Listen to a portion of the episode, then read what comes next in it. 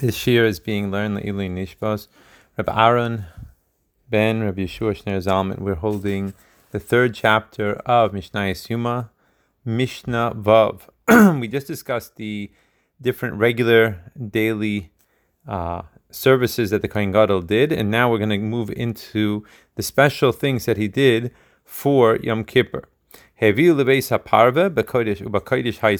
first thing they needed to do is he needed to go to the mikveh. Now, this mikveh was found on the top of the Beis Parva, the house of Parva, which was in the Kodesh area of the Beis Mikdash. Persu Sadin Shalbutz Beino Lebein Ha'am, so they spread a linen sheet between him and the people.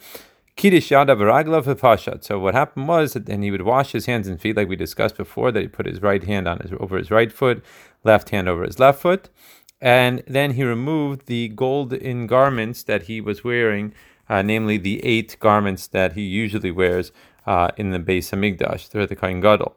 Now, they were called the golden garments because some of them had gold in them, which is not the case with the garments he's going to be putting on. He's going to be changing into uh, four special uh, garments which were all white with linen. We're going to learn all about that uh, as we go along.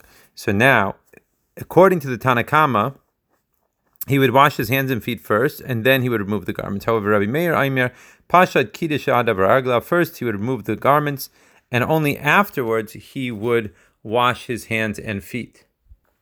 And the reason that Rabbi Meir uh, explains that he had to do it afterwards is because really the whole purpose of the washing was only for the new garments, according to him. Yarad, v'tavel Allah v'nistapeg. So what happened? He went down into the mikveh, he, he toiled himself, he came up, and then he toweled himself off. Heviu lo bigde lavan. At that point, they brought him these white garments that we were talking about before.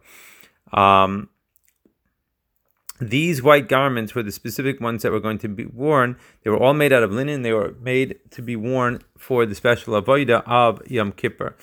Lavash v'kiddush out of raglav, and then, according to all the opinions, he after he put them on, he would once again wash his hands and his feet. Mishnah Zayin.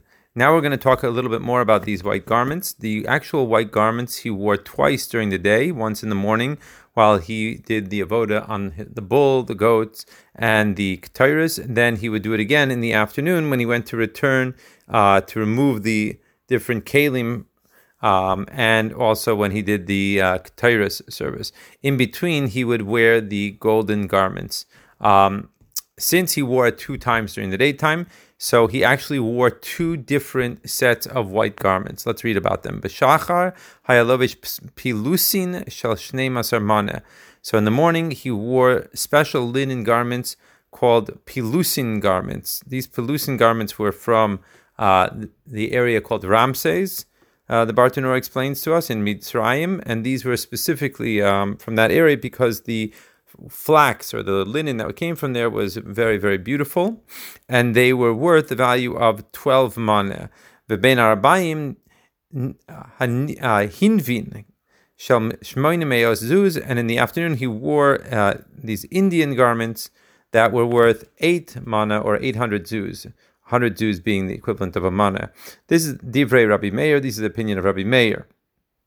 Chachamim disagree, and they say v'shachar shel shmona that they would actually wear uh, garments that were worth 18 mana v'ben arbaim shnei masar mana, and then in the afternoon he wore the value of 12 mana hakol shloshim mana, and everything had to equal 30. And the reason why uh, dafka they put in this extra part about everything had to equal 30 is because if, for example, the garments in the morning were not actually uh, equivalent to 18. So then they had to make up for it in the afternoon in order that the entire uh, value of all the garments would be uh, would be equaling the value of 30 mana. Elu Mishal Tzibor. Now, all of these uh, garments were bought with funds from the public donations to the base of Hamikdash. These were the half shekel donations that the Yidden brought. Ve'im Ratza But if the Kohen Gadol wanted to add some of his own money to add to buy um, even more special garments. uh, then Moisib Mishalo, he would be able to use his own funds. However, what he would do is he would specifically give his funds into the public funds, and then they were able to use those funds uh, for buying nicer, uh, even nicer garments for him to wear.